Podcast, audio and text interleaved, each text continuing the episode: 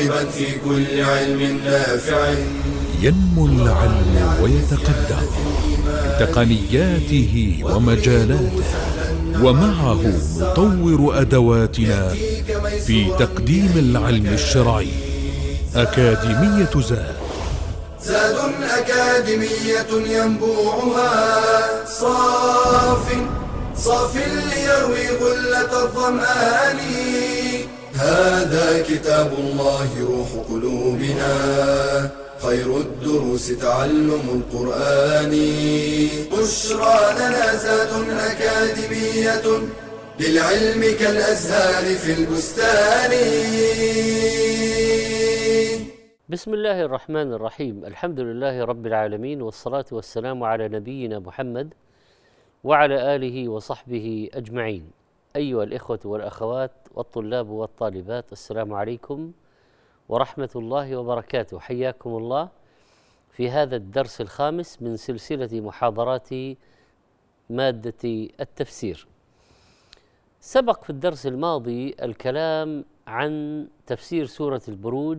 قلنا إنها سورة مكية اتفاقا من أغراضها ومقاصدها بيان ثواب المؤمنين وعذاب الكافرين وتسلية النبي صلى الله عليه وسلم وأصحابه عن إيذاء الكفار بذكر نموذج عظيم من ثبات المؤمنين أمام اضطهاد الكفار. وأن الله سبحانه وتعالى اصطفى أولئك المؤمنين وعذب الكافرين بعذاب الحريق. وقد ابتدأت هذه السورة بقسم عظيم والسماء ذات البروج. والبروج النجوم ومنازل الشمس والقمر. وكذلك قسم آخر باليوم الموعود وهو يوم القيامة. وشاهد ومشهود الشاهد يوم الجمعة والمشهود يوم عرفة. وقد وردت في ذلك أقوال أخرى. يمكن الجمع بينها بأن الله تعالى أقسم بكل شاهد وبكل مشهود فيشمل كل من اتصف بهذا الوصف من مبصر ومبصر وحاضر ومحظور وراء ومرئي. ثم ذكر ربنا سبحانه وتعالى في هذه السورة قصة أصحاب الأخدود فقال قتل أي لعن أصحاب الأخدود النار ذات الوقود إذ هم عليها قعود وهم على ما يفعلون بالمؤمنين شهود يحرقونهم وهم يرون. وما نقموا منهم إلا أن يؤمنوا بالله العزيز الحميد. هذه جريمة المؤمنين؟ ما ذنبهم إلا إيمانهم بالله؟ الذي له ملك السماوات والأرض والله على كل شيء شهيد ومن ذلك أنه يشهد سبحانه وتعالى ما يفعله هؤلاء الكفار بالمؤمنين. ونكمل الكلام في تفسير بقية الآيات. يقول ربنا عز وجل إن الذين فتنوا المؤمنين والمؤمنات ثم لم يتوبوا فلهم عذاب جهنم ولهم عذاب الحريق. الفتنة الابتلاء والامتحان والاختبار. في اللغة فتنت الفضة والذهب إذا أحرقتهما بالنار ليتميز الجيد من الرديء. كما في لسان العرب ومصباح المنير الفيومي. ويقال فتنت الشيء أحرقته. والفتين حجارة سود كأنها محترقة. ومنه قوله عز وجل يوم هم على النار يفتنون. ويقال أيضا في في اللغة فتنت الذهب بالنار إذا أدخلته فيها. وكانوا يدخلونها طبعا لتنقيتها من الشوائب. وهذه الآية وعيد من الله تعالى للذين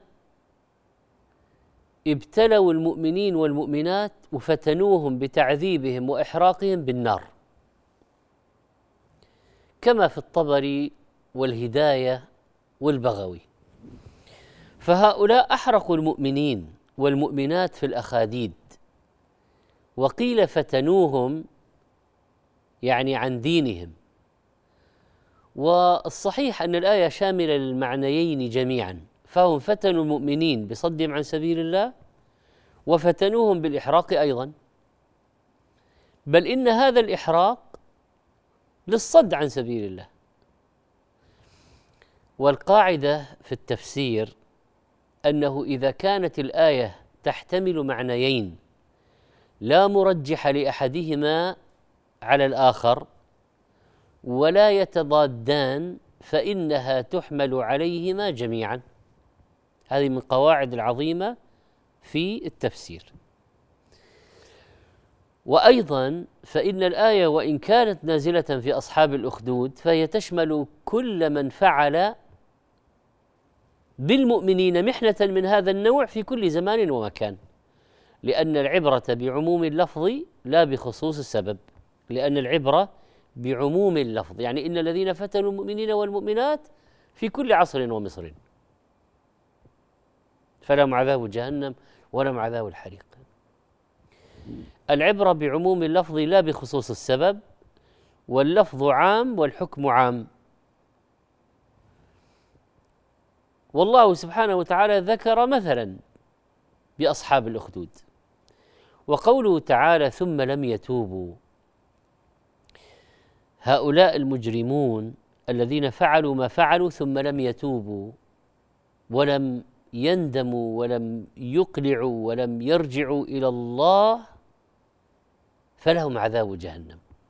سبحان الله يفتح لهم المجال بالتوبة وقد حرقوا أولياءه. سبحان الله الآية فيها وعد ووعيد فوعدهم الله وأوعدهم وعرض عليهم التوبة. يقول الحسن البصري رحمه الله انظر إلى هذا الكرم والجود. قتلوا أولياءه وهو يدعوهم إلى التوبة والمغفرة. اذا إن الذين فتنوا المؤمنين المؤمنين والمؤمنات ثم لم يتوبوا من جريمتهم هذه فسيترتب عليهم عذاب فلهم عذاب جهنم ولهم عذاب الحريق. فلو تابوا لغفر لهم وقبل منهم ولم يعذبهم ولم يحرقهم. وهذا غاية في الكرم والجود. بل إن هذه دعوة عظيمة لكل أصحاب الذنوب مهما بلغوا أن لا ييأسوا من رحمة الله ولا ييأسوا من عفوه. فلا جريمة أعظم من حرق أولياء الله بالنار؟ الذين آمنوا به وعبدوه ووحدوه. ومع ذلك يقول لهؤلاء المجرمين الذين أحرقوهم إذا تبتم فلن يقع عليكم العذاب. هذا مفهوم الآية. وقد قال ابن عباس رضي الله عنه كلمة عظيمة جدا يعلق على آيات وردت في دعوة الله عز وجل المشركين به إلى التوبة. فقال ابن عباس دعا الله إلى مغفرته. من زعم أن المسيح هو الله ومن زعم أن المسيح هو ابن الله ومن زعم أن عزيرا ابن الله ومن زعم أن الله فقير ومن زعم أن يد الله مغلولة ومن زعم أن الله ثالث ثلاثة. فقال الله تعالى لهؤلاء أفلا يتوبون إلى الله ويستغفرونه؟ والله غفور رحيم. بل إن الله دعا المنافقين إلى التوبة فقال إن المنافقين في الدرك الأسفل من النار هذا النفاق الأكبر. ولن تجد لهم نصيرا إلا الذين تابوا وأصلحوا واعتصموا بالله وأخلصوا دينهم لله فأولئك مع المؤمنين وسوف يؤتي الله المؤمنين أجرا عظيما. ولذلك المؤمن يرجو رحمة الله عندما يرى هذا. العرض الإلهي العظيم فإنه يقترب من الله ويعود إليه. إلهي لا تعذبني فإني مقر بالذي قد كان مني وما لي حيلة إلا رجائي وعفوك إن عفوت وحسن ظني فكم من زلة لي في البرايا وأنت علي ذو فضل ومن يظن الناس بي خيرا وإني لشر الناس إن لم تعف عني. وقفة قصيرة ثم نعود إليكم بعد قليل إن شاء الله. بشرى لنا أكاديمية للعلم كالأزهار في البستان.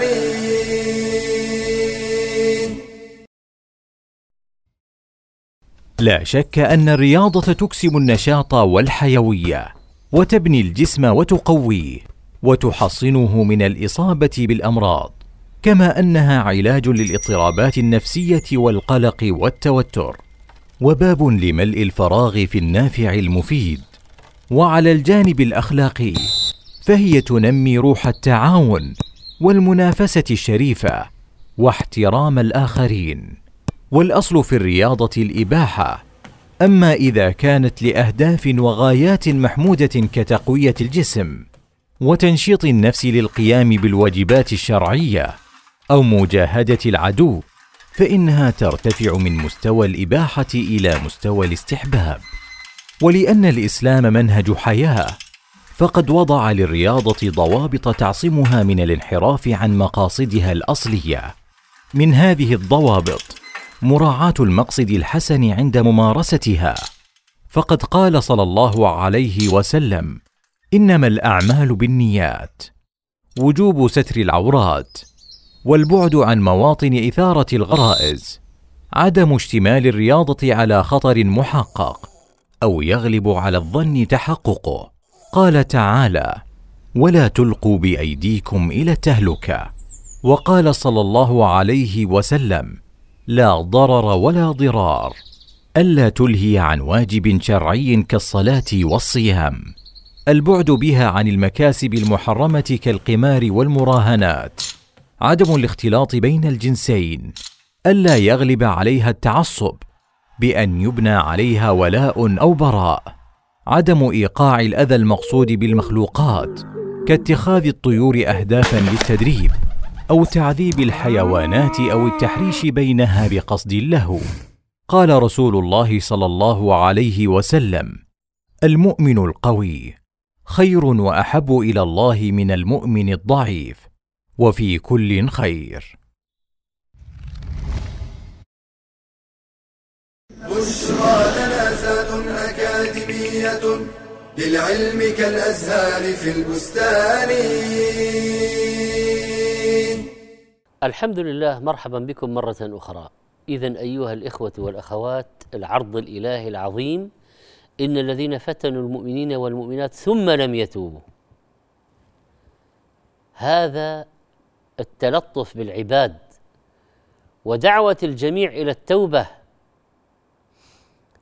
مع أنهم حاربوه وعذبوا أولياءه وأحرقوهم بالنار. وفي الآية دليل ظاهر على أن التوبة من قتل المؤمنين مقبولة وأن توبة الكافر من قتل المؤمن مقبولة. لأن الإسلام يجب ما كان قبله. وقيل إن المقصود بقوله إن الذين فتنوا المؤمنين والمؤمنات مشركو قريش. ولكن الآية تعم الجميع. وفي الآية دليل على قاعدة الجزاء من جنس العمل. لأنهم أحرقوا أولياء الله فكان جزاؤهم مثل عملهم جزاء وفاقا. لكن شتان ما بين نار الدنيا ونار الآخرة نسأل الله السلامة. فإن قيل ما الفرق بين عذاب جهنم وعذاب الحريق؟ لأن الله توعد بهما. الطائفة المجرمة التي أحرقت أولياء توعدها بعذابين فلهم عذاب جهنم ولهم عذاب الحريق. الحريق اسم من أسماء جهنم مثل السعير والنار دركات وأنواع ولها أسماء. فهناك عذاب بالزمهرير في جهنم وهناك عذاب بالحريق. ولذلك قال بعضهم فلهم عذاب جهنم بزمهريرها ولهم عذاب الحريق بحرها الشديد. وقيل عذاب جهنم هو العذاب الحاصل بسبب كفرهم وعذاب الحريق هو العذاب الزائد على عذاب الكفر بسبب إحراقهم للمؤمنين. فإذا فلهم عذاب جهنم على الكفر ولهم عذاب الحريق على الإحراق. فالحريق وإن كان مفهوما من عذاب جهنم إلا أن القرآن نص عليه. ليكون مقابلا للإحراق الذي حصل في الأخدود. وبنفس اللفظ. ولكن أين الحريق من الحريق في شدته ومدته؟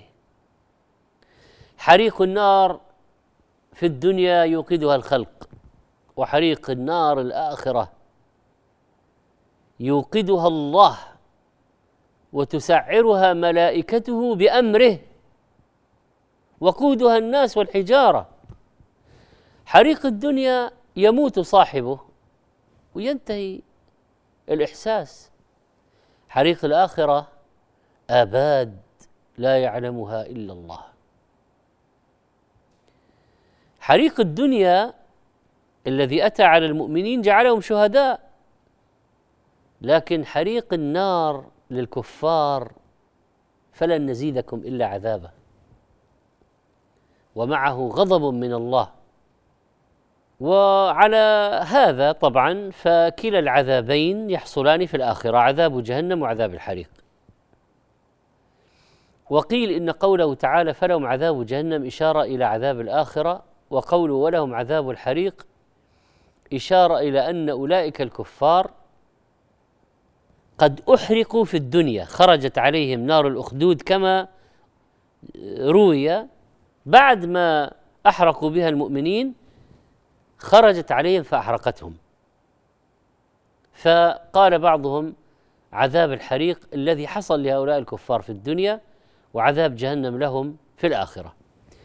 طبعا قضية إحراق النار التي في الأخدود للكفار جاءت في رواية الربيع بن أنس نجى الله المؤمنين الذين ألقوا في النار بقبض أرواحهم قبل أن تمسهم النار وخرجت النار إلى من على شفير الأخدود من الكفار فأحرقتهم.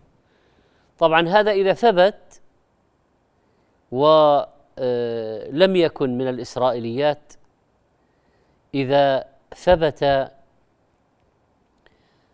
عن الصحابة فله حكم الرفع. على أي حال هذه رواية من الروايات في التفسير وبناء عليها آه، سيكون المعنى فلهم عذاب جهنم ولهم عذاب الحريق متى هذا ومتى هذا. في هذه الآيات من العبر أن الله تعالى قد يسلط أعداءه على أوليائه.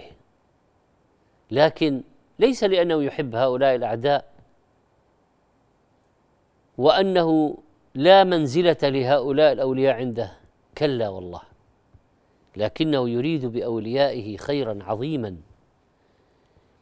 وأن يرفعهم إلى مرتبة الشهداء ويعذب أولئك بالنار ويكون ما حصل منهم من الإجرام سببا لأخذ الله لهم. فالمصابون من المؤمنين أجرهم عند الله عظيم وهؤلاء الكفار أملى الله لهم فلما استدرجهم بهذا وارتكبوا الجريمة العظيمة كان في ذلك أخذهم. القصة التي حصلت لا شك أنها عبرة للمؤمنين وتثبيت ويتفكر المؤمنون في كل زمن كيف ثبت إخوانهم في قصة الأخدود ولم يرجعوا عن دينهم رغم تهديدهم بالإحراق. بل إنهم ألقوا في الأخاديد التي أضرمت فيها النيران ولم يرجعوا عن دينهم. إنه مثال الثبات على التوحيد. إنه مثال الاستمرار على الدين والتمسك بالحق. برغم وعيد الكفرة المجرمين. الثبات إلى الممات الثبات إلى النهاية. وما عند الله خير وأبقى. ولذلك جاءت الآية التالية في بيان وعد المؤمنين.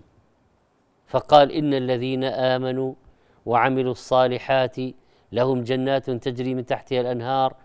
ذلك الفوز الكبير. فلما ذكر عقوبة الظالمين ذكر ثواب المؤمنين. فقال إن الذين آمنوا يعني بقلوبهم وأقروا بتوحيد الله وعملوا الصالحات وهذا هو الإيمان بمفهوم الشرعي ومن أعمالهم الصالحة أنهم ثبتوا على الدين أمام هؤلاء الطغاة. وكل واحد يثبت على دينه أمام التهديد والوعيد ولو نفذوه فيه داخل في الآية. إن الذين آمنوا وعملوا الصالحات آمنوا بقلوبهم وعملوا الصالحات بجوارحهم لهم جنات تجري من تحتها الأنهار. عند الله بساتين عظيمة وأشجار يانعة خضراء ملتفة تجري من تحتها الأنهار أنهار اللبن والخمر والماء والعسل من تحت أشجارها وقصورها. تجري على سطح أرض الجنة. ليست في أخاديد كأنهار الدنيا. الماء في الجنة لا يحتاج إلى حفر واستخراج. بارز ظاهر. بل يجري حيث شاء الإنسان. وفي أي مكان يريدون ماء فهنا عين يفجرونها تفجيرا. عجائب أنهار الجنة. كما قال ابن القيم في النونية أنهارها في غير أخدود جرت سبحان ممسكها عن الفيضان. فأخبر عز وجل أن لهؤلاء المؤمنين جنات تجري من تحتها الأنهار في مقابل ما أعد لاعدائه من الحريق والجحيم. ولذلك كان وعد المؤمنين ونعيمهم فوزا كبيرا بل هو النصر الحقيقي الدائم. وليس ما حصل للكفار في الدنيا. فقال الله عن نعيم المؤمنين ذلك الفوز الكبير. نلاحظ جانب التقابل في القرآن. الجمع بين الترغيب والترهيب. وإذا ذكر الوعيد للكفار ذكر الوعد للمؤمنين. ذلك الفوز الكبير العظيم الذي لا يشبهه فوز. الفوز برضا الله الفوز بالجنة. الفوز معناه حصول المطلوب وزوال المكروه. الفوز الكبير النجاة من المرهوب وحصول المطلوب. في الجنة لا يذوقون موتا ولا مرضا ولا هما ولا حزنا ولا نصبا. فوز لانهم فازوا بالجنة. هذا الفوز الكبير ولذلك ما حصل لهم في الدنيا يصبح لا شيء. بالنسبة لهذا الفوز الكبير النجاح والفلاح. هذه الخاتمة الحقيقية نسأل الله سبحانه وتعالى أن يجعلنا من الفائزين. نعود إليكم بعد قليل إن شاء الله. بشرى لنا أكاديمية للعلم كالأزهار في البستان.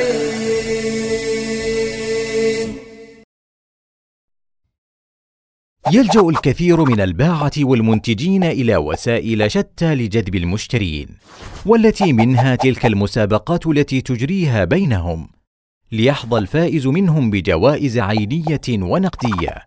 وربما قامت بمنح المشترين كلهم أو بعضهم هدايا وجوائز دون عقد إيه مسابقة.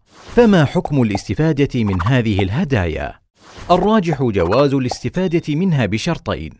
الأول أن يكون ثمن البضاعة حقيقية بحيث لا يرفع التاجر السعر من أجل الجائزة. فإن رفع السعر من أجل الجائزة فهذا من الميسر وهو لا يجوز. الشرط الثاني ألا يشتري الإنسان سلعة من أجل الجائزة فقط كأن يشتري حليبا أو عصيرا وهو لا يحتاج إليها لكن ليحصل على الجائزة ثم يريقه ولا يستفيد منه. فهذا من إضاعة المال الذي سيسأل المرء عنه. فعن ابن مسعود عن النبي صلى الله عليه وسلم قال لا تزول قدم ابن آدم يوم القيامة من عند ربه حتى يسأل عن خمس فذكر منها وعن ماله من أين اكتسبه وفيما أنفقه فإن كان سيستفيد منها فيما بعد باستعمال لها أو تصدق بها. فلا بأس.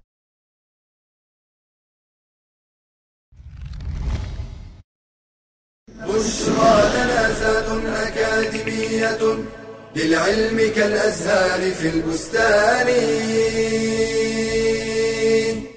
الحمد لله مرحبا بكم أيها الإخوة والأخوات و نحن في ظلال قوله تعالى ذلك الفوز الكبير ذلك اسم إشارة لكن اسم إشارة للبعيد. لماذا؟ إشارة إلى الجنات في علوها وارتفاعها ذلك. ولا شك أنه فوز كبير. وفي هذا طبعا تحذير عظيم من الظلم الكبير. ومن يظلم منكم نذقه عذابا كبيرا. فهناك فوز كبير وهناك عذاب كبير. آه، الله سبحانه وتعالى ذكر هنا الفوز وفي القرآن ثلاثة أنواع من الفوز. الفوز العظيم والفوز الكبير والفوز المبين. فأعلاها الفوز العظيم ثم الفوز الكبير ثم الفوز المبين. كل بحسب درجته. ذكر الفوز المبين في موضعين.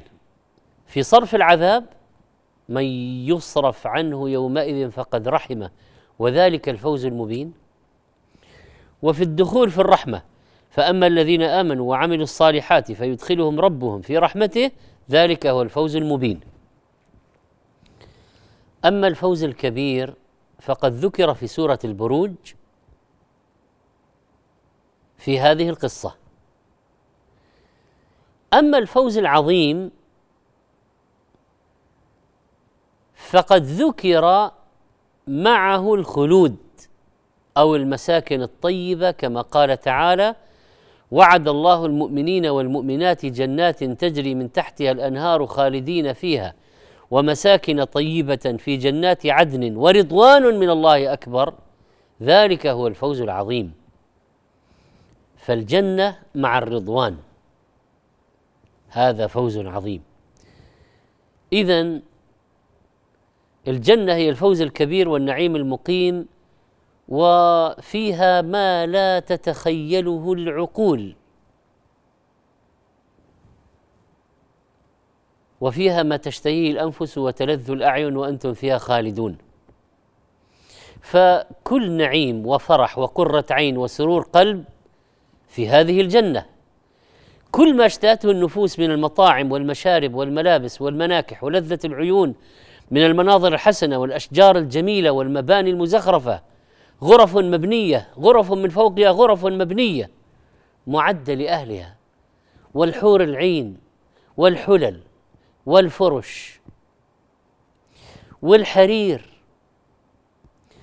فيها كما قال الله في الحديث القدسي أعددت لعبادي الصالحين ما لا عين رأت ولا أذن سمعت ولا خطر على قلب بشر.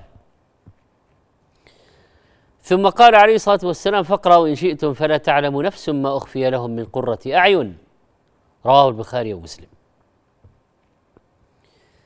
اذا نعيم الدنيا ماذا يساوي بجانب نعيم الجنة؟ لا شيء لا مقارنة.